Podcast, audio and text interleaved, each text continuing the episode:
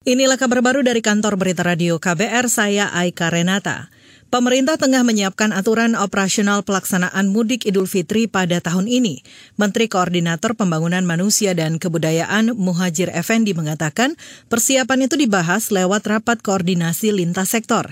Kata Muhajir, persiapan itu meliputi ketersediaan BBM, gas LPG, hingga kebutuhan pokok. Semua yang akan mudik menyiapkan diri dengan vaksin booster agar ketika berangkat ke tujuan itu kondisinya betul betul-betul sehat, bebas COVID, dan datang tidak membawa oleh-oleh COVID. Tadi kita berkoordinasi tentang ketersediaan bahan pokok dan BBM. Yang terakhir, kita berupaya betul untuk menjamin bahwa perjalanan mudik ini itu lancar, Menko PMK Muhajir Effendi menambahkan pemerintah ingin mudik tahun ini berlangsung aman, lancar, dan sehat.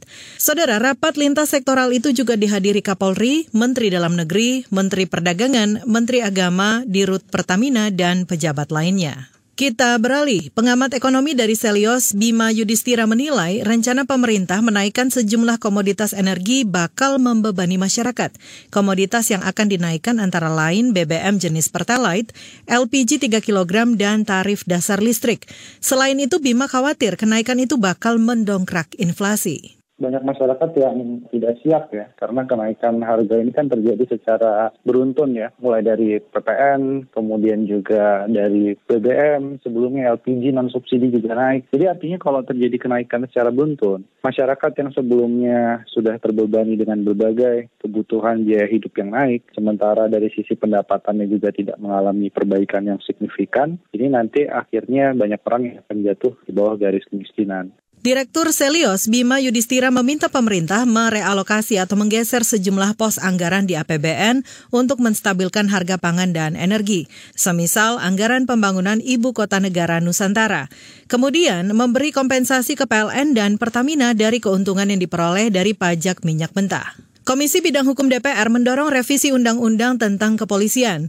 Anggota Komisi Hukum DPR Arsul Sani beralasan revisi perlu dilakukan guna pembenahan struktur kelembagaan Polri. Nah, kami di DPR di periode ini mengusulkan agar sudah saatnya Undang-Undang Nomor 2 Tahun 2002 tentang Kepolisian Negara ini direvisi karena memang berarti sudah 20 tahun dan wajar lah kalau Undang-Undang kelembagaan itu setelah 20 tahun maka kita lihat lagi apakah ada hal-hal yang memang perlu dievaluasi dan perlu juga dikembangkan. Arsul Sani mencontohkan salah satu revisi yakni usulan penambahan masa usia pensiun anggota Polri dari 58 menjadi 60 tahun atau sama dengan masa pensiun ASN. Selain itu, politikus P3 ini menambahkan masyarakat sipil juga dapat memberi masukan di usulan revisi Undang-Undang Polri ini. Demikian kabar baru dari kantor Berita Radio KBR, saya Aika Renata.